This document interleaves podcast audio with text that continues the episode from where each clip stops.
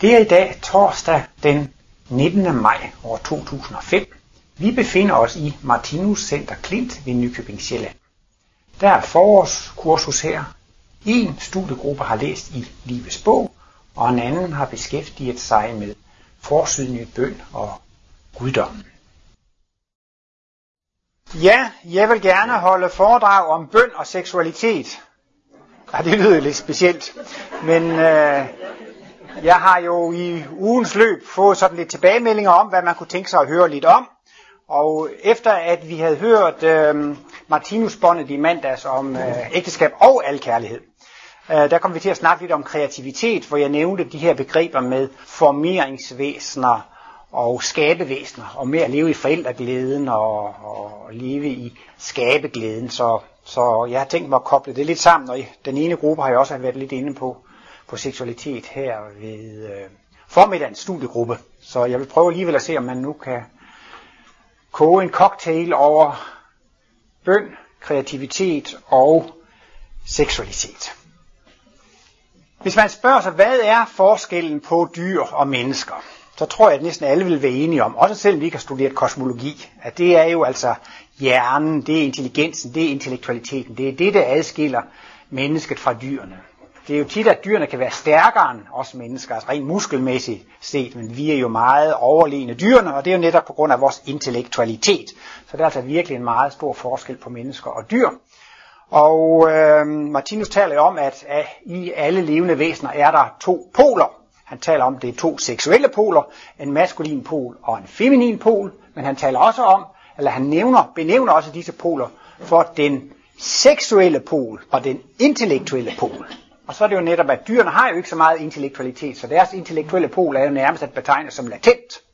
Så derfor er det hos hannerne, at de er i deres maskuline pol, som er den seksuelle pol. Og hunderne, de er jo den feminine pol, det er deres seksuelle pol. Men så efterhånden, som man via abestadier og menneskeab og dyre mennesker begynder at udvikle sig, begynder at udvikle intellektualitet, så begynder den anden pol at udvikle sig. Og den er jo ved at vokse frem, og skal vokse frem til at blive jævnbyrdig med den anden pol. Vi er altså i en udvikling, hvor vi i dyreriet har været enpolet, og så skal vi altså til at blive dobbeltpolede.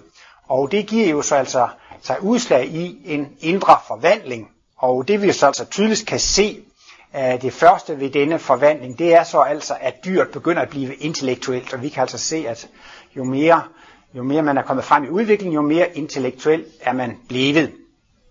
Og Martinus har jo også vist på symboler, også i tekst jo altså, at efterhånden som den nye pol vokser frem, så vokser intellektualiteten frem. Men følelsen vokser også frem. Man ser jo, at humanitet og kærlighed vokser frem i samme takt, som den nye pol vokser frem. Og øhm, som jeg sagde før, der er altså tale om en intellektuel og en seksuel pol, og det er meget nemt at konstatere, at denne intellektuelle pol, den tager til under poludviklingen, under udviklingsforløb. Derimod mærker man ikke så meget til den seksuelle natur af denne forvandling, for det er jo ikke bare tale om, at det er den intellektuelle pol, der udvikler sig, der er jo også tale om, at det er en, den, er en, den har en seksuel karakter. Og øh, i kvinden der er den maskuline pol ved at udvikle sig, og i, i manden er den feminine pol ved at udvikle sig. Det er jo en interessant teori, Martinus har her om det, og den finder jo der stor bekræftelse, synes jeg, når man studerer samfundet, for der ser man jo, at mænd og kvinder begynder at ligne hinanden mere og mere. Og jeg synes også, sådan tit i moden, så skal kvinder have sådan lidt, lidt maskulint look, og mænd skal have sådan lidt kvindeligt look, og man taler også om det der udseende androgynt look.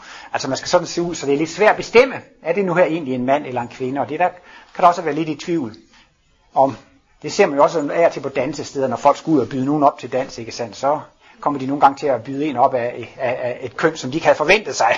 Så det, så det kan under tiden være svært at, at, at, at se forskel. Så det er der også, synes jeg, nogle tegn på, at mænd og kvinder er ved at blive mere ligestillede. På et tidspunkt så holdt jeg et lille indlæg om, hvor der var størst modtagelighed for Martinus kosmologi.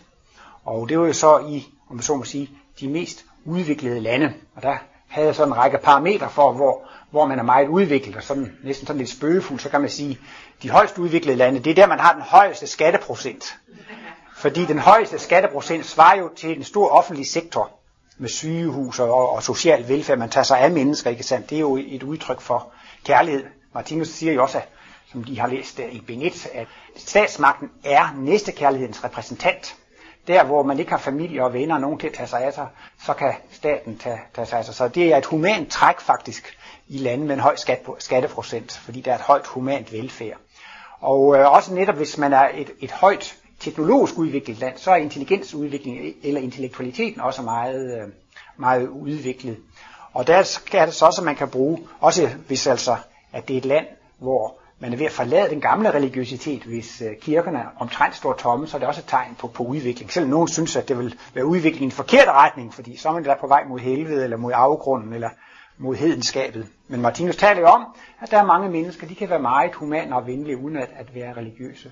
Men en, en målestok også for, hvor der er modtagelighed for kosmologien i hvilke lande, det er netop det, man kan se på kønnenes ligestilling, ikke sandt? Øh, man kunne eventuelt måle, hvor mange kvinder der er i Folketinget, eller hvor mange kvindelige ministre der er, eller, eller hvordan kønnenes ligestilling er i hjemmet og, og på, på arbejdspladsen, ikke sandt? Og det kan man så også se, at der er kønnenes ligestilling længst fremme i de skandinaviske lande, hvor der jo så også er den største modtagelighed for de øh, kosmiske analyser.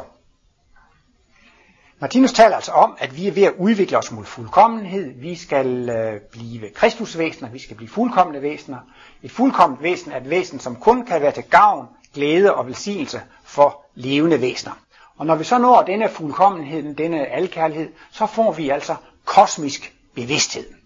Og der er altså Martinus inde på, at for at få kosmisk bevidsthed, så skal man altså praktisere næste kærlighed. Og der kan man sige, at forudsætningen for, at man kan få kosmisk bevidsthed, det er, at man er dobbeltpolet. Altså man skal ikke tro, at der er nogen mand, som får kosmisk bevidsthed, eller der er nogen kvinde, der får kosmisk bevidsthed. Det kan ikke lade sig gøre. Det er muligt, at en mand eller en kvinde kan måske få et lille kosmisk glimt, men det helt afgørende for, at man kan få kosmisk bevidsthed, det er, at man er helt dobbeltpolet. Fordi al kærligheden, den kan ikke være partisk.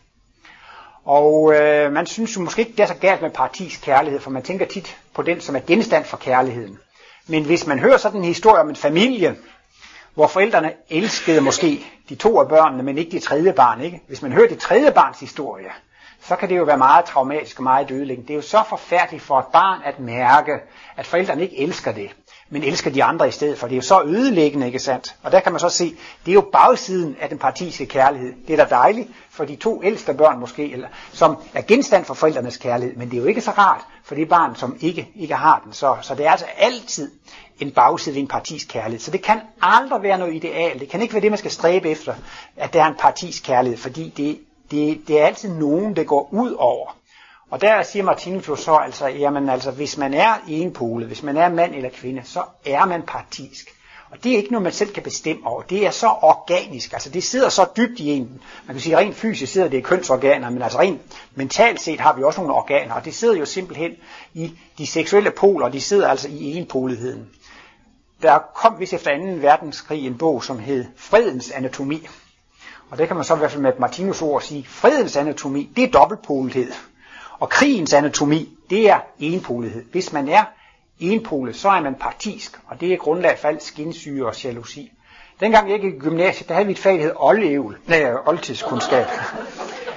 Og der skulle man øh, læse øh, den her med Odyssé, ikke sandt? Og det gik ud på, at der var en konge, som havde stjålet den anden konges kone, ikke sandt? Og så var der krig i 10 år. Så det er jo alle tider spillet på den her rivalisering. Og så faktisk altså er denne enpolethed roden til al jalousi og det er så altså også faktisk roden til alt ondt. Selvom altså man kan besynge kærligheden og forelskelsen meget højt, det er så vidunderligt og dejligt, så har den jo altså også, medaljen har en anden side i form af den øh, jalousi, og det er det, der er, så man kan ikke opfylde kristendommens kærlighedsbud som enpolet menneske. Man skal elske sin Gud over alt, og sin næste som sig selv. Man kan ikke elske begge køn lige meget med en enbrudt. Det er, hvad Martinus siger, en organisk umulighed. Så for at elske sin næste, det er ikke noget, man kan bestemme sig til. Det er altså et udviklingsspørgsmål, et talentspørgsmål efterhånden, så må den modsatte pol altså udvikle sig, så man efterhånden også kan få sympati for sit eget køn. Så altså virkelig næste kærlighed og al kærlighed. Det, det er ikke noget, man kan bestemme sig for. Det er ikke noget, selvom man tror nok så inderligt og beder nok så intens til Gud. Det hjælper altså ikke noget, fordi det er så organisk. Det er altså ligesom, hvis man ikke har ben, så kan man ikke gå, og hvis man ikke har øjne, så kan man ikke se. Og sådan er det altså, hvis man er enpolet, så kan man ikke praktisere næstekærlighed. Man kan så efterhånden jo blive, blive meget venlig og rar og så videre, men så længe altså man har en præference, man foretrækker det ene køn frem for det andet køn. Det vil altså sige, at disse to poler skal komme i 100% balance. Og Martinus, han sagde jo ved nogen foredrag, jeg er dobbeltpolet. Jeg har polerne i 100% balance. Så det sagde han jo altså meget åbent og, og lige ud. Og øh, Martinus, han rørte jo hverken kvinder, tobak eller alkohol. Martinus han havde ikke nogen, Martinus var ikke nogen skørtejæger. Martinus havde ikke nogen speciel øh, præference for kvinder. Og jeg tror også, man kan sige det samme om Jesus. Han var heller ikke nogen skørtejæger, eller havde nogen speciel præference for kvinder. Men de var altså mentalt dobbeltpolede. Men her på denne klode er det ikke så stort et udvalg. Der er kun to kropstyper, en mandekrop og en kvindekrop, så derfor var de nødt til det. Martinus taler også om, at i vores egen udvikling, så vil vi først blive dobbeltpolet mentalt set i en mandskrop og en kvindekrop. Og så senere, så vil kønsorganerne degenerere, og man vil få sådan et, et øh, dobbelt kønnet krop. Altså det vil nu sige, altså det er sådan set, man taler nogle gange om hermafroditter, de har både mandlige og kvindelige kønsorganer, men det bliver faktisk tale om en organisme uden kønsorganer, det bliver mere rudimenter. Han siger det selv lidt morsomt. Vi har jo navlen her, ikke sandt? Og hvad skal man bruge sådan en til? Højst til at samle nuller mænd fra skjorten, men altså, men altså, så må man sige, nej, navlen, den har man ikke noget at bruge til. Den er bare et souvenir fra ens fødsel. Og på samme måde så siger Martinus en gang også, at kønsorganerne bliver rudimenter. Det bliver også bare en souvenir for dyreriget. Det var dengang, man havde kønsorganer. Så Martinus siger, at det bliver det smukkeste i manden og i kvinden. Men hvis man forestiller sådan en ung, mandlig yngling med lidt rundere form eller sådan noget, så kan man måske sådan forestille sig den dobbeltpoledes øh, krop og organisme. Det bliver meget skøn og en meget flot øh, organisme. Men det her med at være dobbeltpol, det har altså også en, øh, udover dette, at man er intellektuel og human, så har det altså også det, at øh, man skal blive bevidst i begge poler. Når Martinus kan sige, jeg har de to poler i 100% balance, så betyder det, at hans maskuline pol og hans feminine pol var i 100% balance. Og det kan de jo ikke komme, hvis man kun har oplevet livet igennem den ene pol. Og sådan er det jo, altså hvis øh, man er en normal kvinde, jamen så har man præference for, for mænd, ikke sandt? Og man har oplevet naturen af den feminine pol. Der kan man så sige, at der er den maskuline pol endnu ikke nået frem til dagsbevidstheden. Eller man kan sige, at denne kvinde er endnu ikke blevet dagsbevidst i den maskuline pol. Og lige sådan er det jo så med, med mænd, de kan være meget intellektuelle og humane og venlige og, og kærlige, men de er ikke dagsbevidste eller hjernebevidste i den feminine pol. Det er den her lille sjove historie med Dustin Hoffman, som spillede den her berømte film, der hed Tutsi. Der skulle han så spille en kvinde. Han var arbejdsløs mandlig skuespiller, kunne ikke få arbejde. Så klædte han sig ud som kvinde, og så fik han arbejde. Men så måtte han jo selv klædes ud som kvinde. Jeg ved ikke, hvor lang tid, et halvt år, hvor filmoptagelsen stod på, og han skulle hele tiden spille kvinde. Og så blev han interviewet efter filmforløbet. Og så udtalte han faktisk, at han var blevet opmærksom på, at han havde en kvinde i sig. Han var blevet opmærksom på, at han havde noget feminin i sig. Så på en måde kan man næsten også sige, at det er lidt forcering af den feminine pol. Eller han var faktisk lidt unaturlig blevet konfronteret med sin egen feminine side. Så jeg synes, det var interessant og at høre, at han faktisk følte, at han havde noget feminint i sig. Det har han også ifølge analyserne, og man kan godt forestille sig, at man kunne blive sådan lidt opmærksom på det. Der kan man sige, at det er sådan lige på kanten til at nå frem til dagsbevidstheden, eller man bliver hjernebevidst i det. Men det er klart, at man skal bruge begge poler, for at de kan komme i balance. I kender jo godt det her med, hvis nu man brækker den ene arm og går i gips i 6 eller 8 uger, så bliver musklerne tynde, og den bliver helt svag, og den anden arm er meget stærkere. Hvis de to arme skal komme til ligevægt igen, hvad så? Jamen så bliver man jo nødt til at træne den arm, som har været latent. Ikke? Så man er nødt til at bruge den for at træne den op. Og sådan er det altså også, hvis man nu er kvinde, og den maskuline pol har været latent hele dyreriet. Hvis den maskuline pol skal trænes op til at blive jævnbytte med den feminine pol, så bliver kvinden da nødt til at bruge den, den maskuline pol. Kvinden bliver nødt til at opleve livet igennem den maskuline pol. Og øh, det øh, vil altså sige, at den maskuline pol skal for kvindens vedkommende nå frem til dagsbevidstheden. Hun skal blive hjernebevidst i det.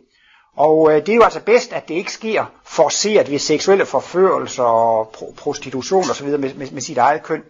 Det helt naturlige er, at en gang til sin egen for store overraskelse, det kan måske være to kvinder, som sidder ved siden af hinanden på et kursus, Og så lige pludselig får den ene kvinde en seksuel fornemmelse i forhold til den anden kvinde. Får sådan en seksuel følelse eller en seksuel piring, Og hun bliver selv så overrasket. Hov, hvad var det, der skete? Hvor kom det fra?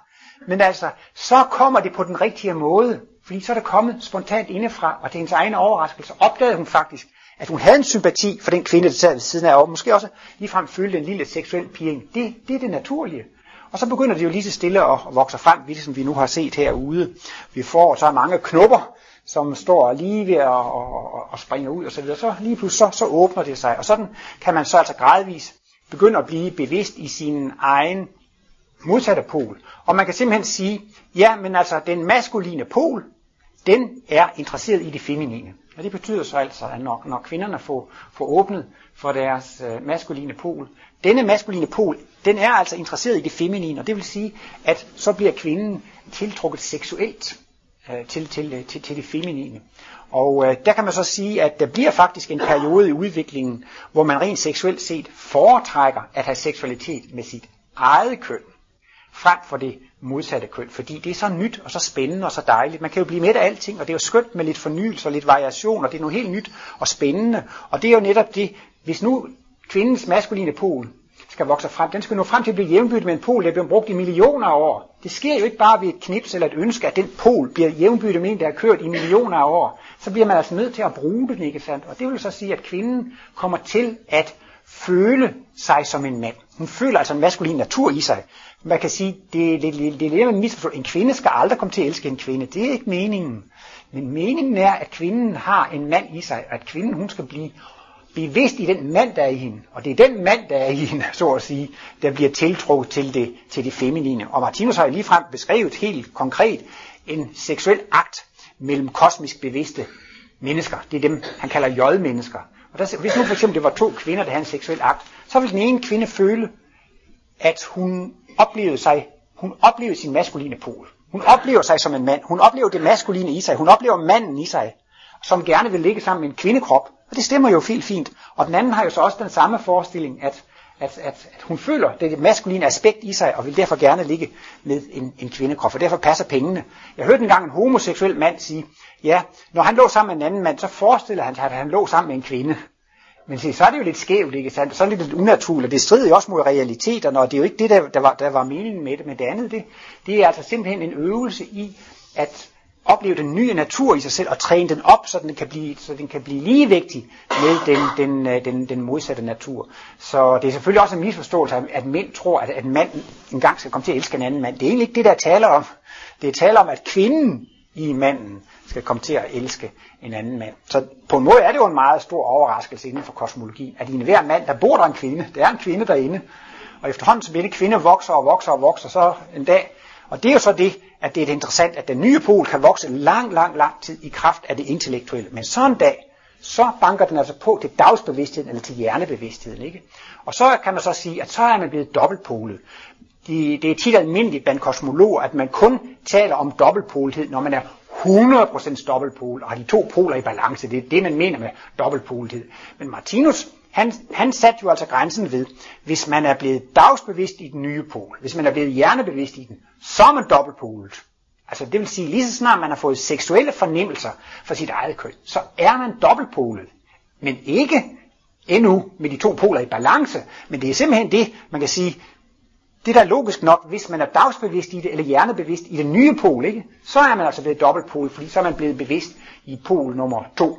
Og der er jo også en lang historie om, at det ikke er godt at få den åben for tidligt. Det ser vi også, at mange homoseksuelle, de vil have børn og familieliv, altså de vil have hele det ægteskabelige. Men det er jo ikke det, der er meningen med det, fordi at, øh, så er man jo igen lukket inde. Det, det der jo er meningen, det er, at man skal elske alle og have sympati for alle. Martinus blev en gang imellem spurgt, om han var gift. Og han blev spurgt så tit, så det sidste så opfandt han jo altså et standardsvar. Jo, sagde han, jeg er gift. Med hele verden. Og det synes jeg var sådan en meget smuk formulering, fordi at det er jo det, der drejer sig om, man skal ikke begrænses og lukkes inde. Så den dobbeltpolede kærlighed eller seksualitet mener ikke om ægteskabsseksualitet, den minder altså mere om venskabsseksualitet og kammeratskab, så det har jo også et kapitel for sig med, at, øh, at det er jo ikke samleje seksualitet, det er den nye menneskelige seksualitet, det er jo en kærtegnsseksualitet med kys og, og kram osv. Men det fører så altså også frem til det her med det, med det kreative.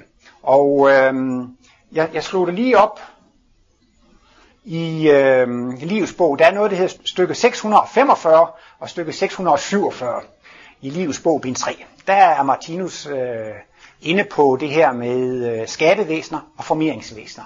Og med at leve i forældreglæde og med at leve i skabeglæde. Og det har han også i livets bog, bind 5, stykke 1827. Og i det første stykke, der 645, der er Martinus inde på at beskrive jordelivskredsløbet. Man har altså barndom og ungdom og manddom og alderdom. Og da han så skal til i stykke 645 og beskrive manddommen, så skriver han om, hvordan man lever i glæden. Og så kan man leve i forældreglæden. Og det er jo netop, hvis man så er det, han så kalder et formeringsvæsen. Det betyder, at man har haft sin hovedinteresse i ægteskabet og, og, og i forbindelse med børnene. Ikke? Så har man brugt al sin kraft, sin energi og lagt sin og fået inspiration af det, og så er det jo klart, at så lever man jo i den glæde over, hvordan det går børnene godt. Men så siger han, det kan også være en anden type, og det kan så være mennesker, som er kreative og skabende, og det kan jo typisk være kunstnere, men for den sags skyld kan det jo også godt være videnskabsmænd, eller opfindere, eller esperantister og kosmologer. Og der kan man så leve i den glæde over det, man har lavet, eller det, man har præsteret. Og, og hvis man sådan vil se hele skalaen, så kan man altså sige, så findes der ude på den ene side enpolede formeringsvæsener, som kun har interesse i det familiemæssige. Og så kan man gå helt ud til den anden side af skalaen og sige, her har vi dobbeltpolede mennesker, de har ingen interesse i det ægteskabelige, de har kun interesse i det skabemæssige, ikke sandt? Martinus taler også om jo om verdensgenløsningsprincippet og Jesus og Buddha. Jesus er en stor ledestjerne og kan inspirere. Men der taler han så også om de kunstneriske genier. De er på en måde også verdensgenløser på deres områder. De viser, hvor langt man kan komme på det område. Det kan være, man har lyst til at lære at spille klaver osv. Og, og så hører man en sublim klavervirtuos spille. Så siger tænk, kan man komme så langt, kan man komme så højt. Og så får man lyst til at øve sig videre, fordi at man kan se, så god kan man blive, så fantastisk kan det blive. Sådan så øh, meningen med, med, med denne kreativitet og kunst, det er at være en ledestjerne og føre udvikling af kulturen frem. Men meningen med kreativiteten, det er jo også, udover at man selv kan leve i skavebeglæden, så er det jo principielt for at glæde andre. Ikke? Tænk engang, hvor mange mennesker Mozart har glædet med sin musik. Ikke? Er det ikke millioner af mennesker over kloden, der sidder de timevis og glædes sig over den der skønne musik? Det kan man også sige med Beatles. De kom der og afleverede deres gave i form af en skøn musik, og der er millioner af mennesker, som har glædet sig over. Ikke? Det er da virkelig at komme og aflevere sin gave. Det er at være kreativ, og det er at være kunstnerisk, og det er simpelthen det, at man har skabt noget til glæde for andre. Og det er netop også al alkærlighedens eller næstekærlighedens natur, ikke sandt? at man gør noget for at, for at glæde andre. Jeg skal også lige sige, nu har jeg jo reklameret lidt for det, den der Martinus-bog, men øh, jeg er selv ved at læse den her bog, som jeg har nævnt flere gange. Det kunne være en enkelt, der ikke har hørt om det endnu. Og det er den her bog af Julia Cameron, som hedder Kreativitet. Det er sådan et 12 ugers kursus for at hjælpe blokerede kunstnere. Og hun har rigtig mange gode råd for, hvordan man kan komme til at være kreativ. Og hun ser netop også på det sådan, at øh, man må gerne øh, stile efter at blive kreativ til glæde for sig selv, men altså også for at være til glæde for andre. Og hun ser jo så også hele livet som en stor skabelsesproces, så det er også meget kosmisk og kosmologisk, hvor man siger, at man gerne vil bidrage til den store skabelse, der er i gang. I virkeligheden er denne jordklode ved at blive skabet om til, en, til et jordisk paradis, et fysisk paradis. Det er, det er en stor skabeproces, der er i gang, ikke sandt? Og det kan man da godt få lov til at være med i, hvis man ønsker. Og det er næsten også det samme som at sige, at man gerne vil være den ringeste daglejer i faderens bolig, bare man kan hjælpe til. Og det kan man jo også hjælpe til med at være kreativ og skabende, ikke sandt? I denne enormt store skabeproces, så det er jo meget dobbelt, man både kan gøre det for andre og for sig selv. Det er også oplagt, at alle store opfindere og teknikere, de har jo også lavet Tænk, hvad det er dejligt, man kan køre i en bil, hvad det er dejligt, det er elektrisk lys og varme og termoruder, og det er også mange af den slags skabende ting, som kan være til stor glæde og velsignelse for, for mennesker. Martinus har jo specielt skrevet om det her med kunst og kreativitet i bog nummer 13, som hedder Juleevangeliet. Og der er der sådan et sted, hvor han sammenligner kunstmuseet med et varehus. Og øh, hvordan er de her produkter kommet til? Ja, det der i varehuset, det er som regel blevet lavet af nogle lønslaver, som er gået på arbejde, fordi de har været nødt til det, for at få, få mad på bordet. Men øh, så findes der også øh, i kunstmuseet de store, flotte malerier. Og klassisk set i gamle dage, så var de store kunstnere ludfattige.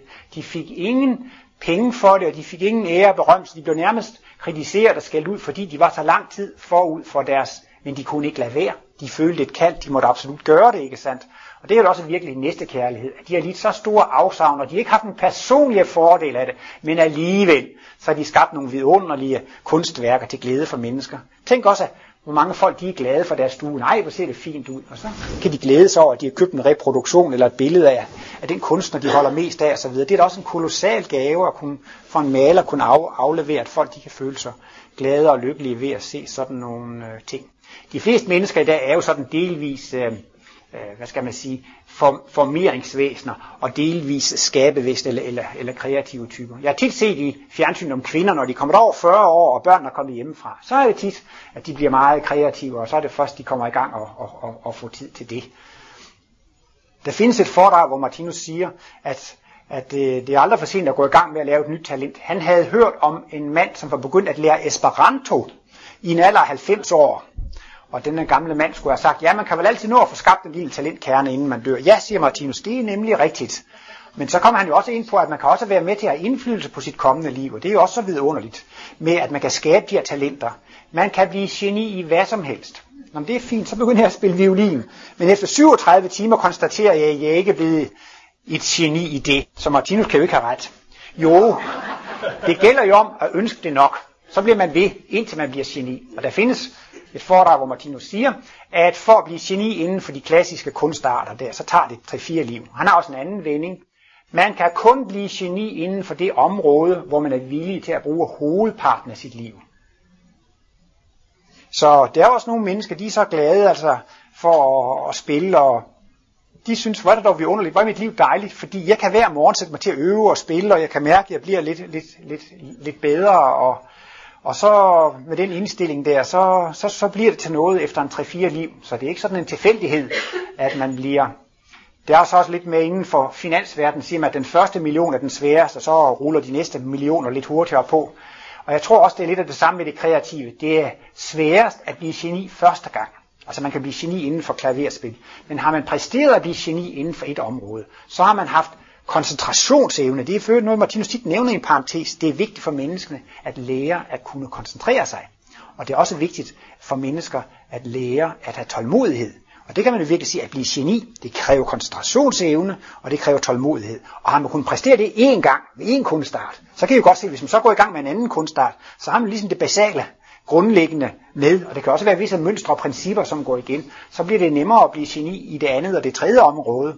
Og som jeg har forstået det, så skal vi faktisk blive genier inden for alle livets områder. Og øhm, motivet i den åndelige verden, det rigtige menneske, hvad skal man lave der? Hvad er det til for? Det er faktisk til for at underholde hinanden.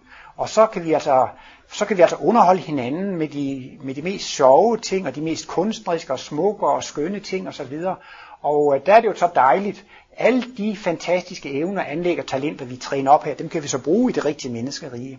Og der siger Martinus jo, at vi kan fortælle historier i tre dimensioner. Så kan man fortælle en historie om Anders And og Mickey Mouse, hvis man vil det. Og så står de der i åndelig plastisk materie. Hvis man synes, de skal snakke tysk, så gør de det og hopper. Og, og, og hvis man er maler eller kunstner, behøver man ikke at begrænse sig til et fladt maleri. Så kan man lave et, et landskabsmaleri, der går flere kilometer ud i rummet. Og man kan belive det med en kronhjort og et par ind, og hvad man nu kan, synes, man vil dekorere sit, sit maleri med.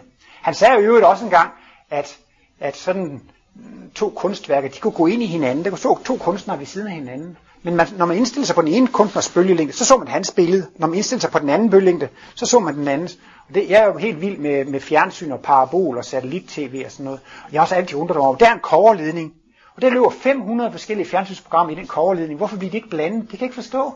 Hvordan kan man sådan skille den ene ud fra den anden? Men det er på grund af frekvensen.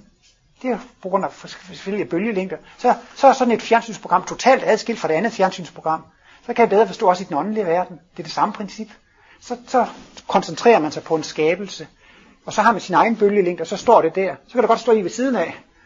Men det kan man ikke se, fordi man kan kun se det, når, når man indstiller sig på den der um, bestemte øh, bølgelængde. Men jeg synes, det er så vidunderligt med det her talentkerneprincip og det perspektiv, der er i det. Man kan få lov til at blive geni i hvad som helst. Hvis man selv har lyst til det, det er lysten, der driver værket, det er bare at blive ved, så bliver man altså geni i det til sidst. Og det er jo netop også, at vi skal jo mindre og mindre blive lønslaver, og det er jo rigtig malet op i kapitel 4, som I så flittigt har studeret i livets bog, Bind 1, hvordan maskinerne er vores venner, og hvordan øh, vi bliver mere og mere befriet for det tunge arbejde. Vi skal ikke blive ved med at tjene vores brød i vores ansigt sved, og det skal, vi skal bare arbejde et par dage om ugen, et par timer om ugen, og så er det så, så får vi fri. Men Martinus synes ikke, det skal være total frihed. Han taler om, at vi skal være studiedage. Så kan man studere kulturhistorie, idehistorie, kosmologi og kunst, og man kan bruge, og der vil blive på en måde er det næsten lidt med aftenskole. Der vil simpelthen blive så mange lærere, som kan tilbyde undervis i alle mulige kunstarter og filosofi og psykologi og alle mulige interessante. Så får man altså frihed til studiedage, og det bliver en vidunderlig tid. Jeg tænker nogle gange på den gang, og øhm, over i England, jeg læste i historiebøgen, de der mennesker, der gik i kulminerne, ikke? De skulle rode rundt dernede i, i jorden, ikke sandt? 14 timer i døgn. De kunne ikke andet end at arbejde og spise. Det var jo ren slavetilværelse. Og gradvist så slipper vi for det tunge fysiske arbejde og kan mere og mere blive friet. Befriet til at leve i denne kreativitet. Det er jo, det er jo vidunderligt og, øh, og skønt, at man har disse muligheder for at udfolde sig på, på, den, på den kreative måde. Men øh, jeg vil også godt lige, at det var sådan lidt om, om kreativiteten i forbindelse med poludvikling eller, eller, eller seksualiteten så mm, øh, vil jeg også godt lige nævne lidt om, om bønden. Og øh, der tager Martinus jo øh, i bog nummer 11, bøndens mysterium, og gennemgår de her tankekoncentrationer i bøndens mysterium. Og der beder vi om at få det daglige brød. Og øh, det kan jo forstås i meget snæver betydning, men Martinus ser jo alting i et videre perspektiv. Så han tolker dette at bede om det daglige brød er det samme som at bede om at få opfyldt alle naturlige behov. Så det altså- går altså ikke bare om brødet. Og der kan man jo altså bede om at, at, at, at få, få bolig, og, og ja, selvfølgelig også mad og drikke og, og alle disse forhold, men man kan også bede om at få selskab af andre mennesker, og man kan også bede om at få seksualitet. Det hører også med til de naturlige behov. Det er jo det, bøndens mysterium er, at hvis en bøn er uselvisk, så bliver den hørt, og hvis den er selvisk, så, så, så kan det ikke rigtig lade sig gøre. Hvis alle danskerne beder om at få guldmedaljen, og tyskerne vil også have guldmedaljen, og tyrkerne vil også, og de beder alle sammen til Gud om at få guldmedaljen, det kan ikke lade sig gøre. Eller hvis Eichel vil giftes med Britney Spears, og det vil jeg også, og det vil Børge også, og vi beder alle sammen til Gud. Og Pelle vil også. Hvad skal Gud gøre? Det kan ikke lade sig gøre. Altså det vil sige, at der ligger nogle gange en simpelthen en, en, en, et, et, intelligensbrud, eller hvad som er et logisk brist. Det kan simpelthen ikke lade sig gøre. Sådan nogle bønder, hvis, hvis vi alle sammen beder om at få en milliard kroner, eller sådan noget, så er det ikke penge nok i Danmark. Altså man kan have sådan en egoistisk bøn, så kan det ikke lade sig gøre. Men hvis man vil hjælpe andre og gavne andre, så har man hele den åndelige verdens medhold. Så kan alt lade sig gøre. Derfor er der nogen, der synes, det er da egoistisk at bede om at få opfyldt sine egne naturlige behov. Men der skal man også tænke på, at vi har et mikrokosmos. Man skal også tage vare på sit mikrokosmos. Og hvis jeg beder på, at min mikrokosmos har det godt, Martinus er tit inde på, at seksualitet, det, det er jo godt for det normale, sunde, kropslige velvære. Det er godt med berøring og, og kærtegn. Øhm, der var ham, den der amerikanske psykolog Skinner, som efter sine opdrog sin datter uden at røre hende, bare for at se, hvordan det løb af. Og de fleste folk synes jo, det er jo skrækkeligt at tænke på, at opdrage sit barn uden at røre det, ikke sandt? Og det er klart, det er da virkelig sundt for børn at, at, at, at få berøring og, at, at føle den tryghed. Så, så det hører jo også med til de naturlige ting. Så det vil sige, altså det er ikke egoistisk at bede om, at man har det godt, at man kan få sund mad og sund drikke, sunde boligforhold, et godt arbejde, hyggelige selskaber, også en, en seksuel partner. Det må man gerne bede om, fordi hvis jeg har det godt, så har hele min mikroverden det godt. Jeg er jo også Gud for mit mikrokosmos. Derfor kan man sige, at det er ikke egoistisk at bede om, at man selv har det godt. Jeg kendte en, eller kender en i Tyskland, som er så opsat på at hjælpe Gud. Så han knokler dag og nat og, og, og vil hjælpe alle mennesker. Han er ved at brænde fuldstændig ud. Jeg synes, han snart ligner døden fra Lübeck. Men han knokler videre for at hjælpe Gud. Men jeg har haft ham i ørerne en gang og prøvet på at forklare, jamen du er en celle i guddommens krop. Det er dig, der skal sørge for, at dine organer, celler og molekyler har det godt. Hvor meget hjælper du Gud, hvis du ødelægger den ene celle, som du selv har ansvar for? Så kan man jo sige, så er det jo også en, en køn hjælp på en måde. Det er selvfølgelig godt at hjælpe, men man skal da ikke, man hjælper ikke Gud på den måde, så det vil jo sige, at man hjælper faktisk verden, man hjælper guddommen bedst ved selv at være lykkelig, glad, sund, rask, harmonisk. Så giver man virkelig et stort bidrag. Derfor er det jo klart, at det kan kun være til gavn for helheden, at jeg har det godt og rask og harmonisk osv. Derfor er det ikke en egoistisk bøn at bede om at få sit daglige brød, fordi det hører ind under paragrafen om opretholdelse af det normale livs sundhed og velvære, som du kan læse mere om i kapitel 13 i Martinus lille bog nummer 11, Bøndens Mysterium. Her bliver indspilningen af foredrag desværre afbrudt af en eller anden grund, men jeg har den 12. november 2007 og den 18. juni 2010 afholdt to foredrag med det samme tema, og disse foredrag kan du høre på mine hjemmesider www.oleterkelsen.dk eller www.oleterkelsen.info. Håber, at dette kunne være en løsning. Tak for opmærksomheden.